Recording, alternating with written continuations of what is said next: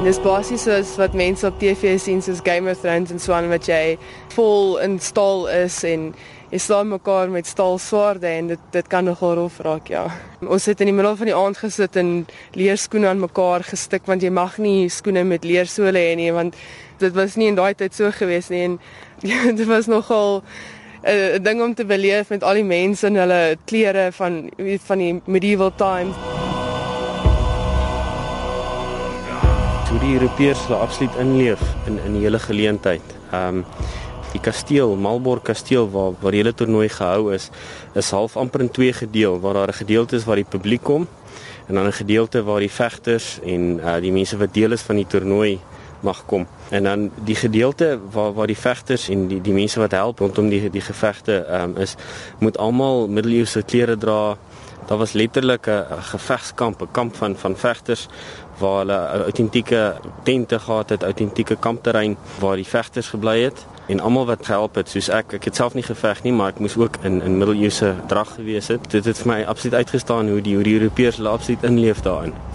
Stephanie, jy was die jongste vrou wat deelgeneem het aan die storie. Dit was my eintlik 'n groot skok toe ek dit uitgevind het. Hulle almal vir my gesê ja, maar ek is baie fikser as hulle ook.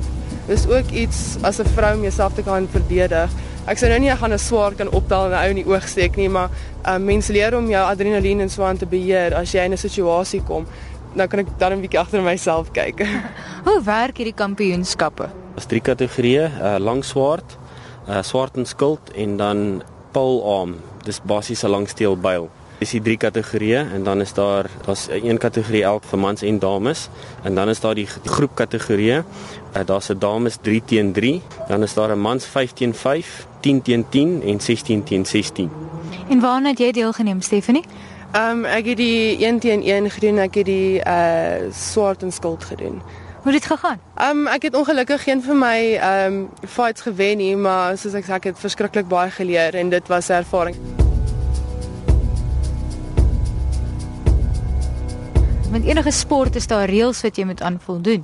Die 1 teen 1 gevegte uh, werk op 'n puntebasis. Daar's uh, 3 rondes van 'n minuut elk met 'n minuut rustyd tussenin. Die vegter met die meeste houe wat hy land op sy opponent wen daai ronde. As een van die deelnemers twee rondes gewen het, dan is daar nie 'n derde ronde nie. Die derde ronde is, is net is net daar as dit as die eerste twee gelykop was.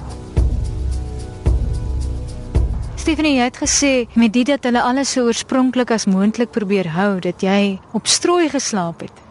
Ja, dit was vir my 'n uh, ervaring. Ek's mal oor kamp en jy weet in die bosveld wees en so aan, maar om in die reën en dit is 4 grade, jy weet te wees is nie dis nie speletjies nie en dan kom jy nog terug en dan moet jy op strooi slaap.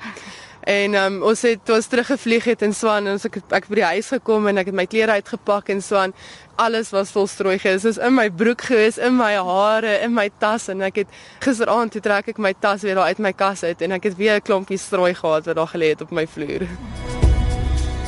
Dit was my regtig ongelooflik geweest om mense reg oor die wêreld te leer ken en saam met hulle te sit om 'n vuur en 'n bier te drink en net te gesels oor hierdie fighting wat ons absoluut so voorlief is en um, om te hoor al die mal stories al van die um met mense wat al regtig seer gekry het en dit is net regtig lekker om net daai atmosfeer te hê.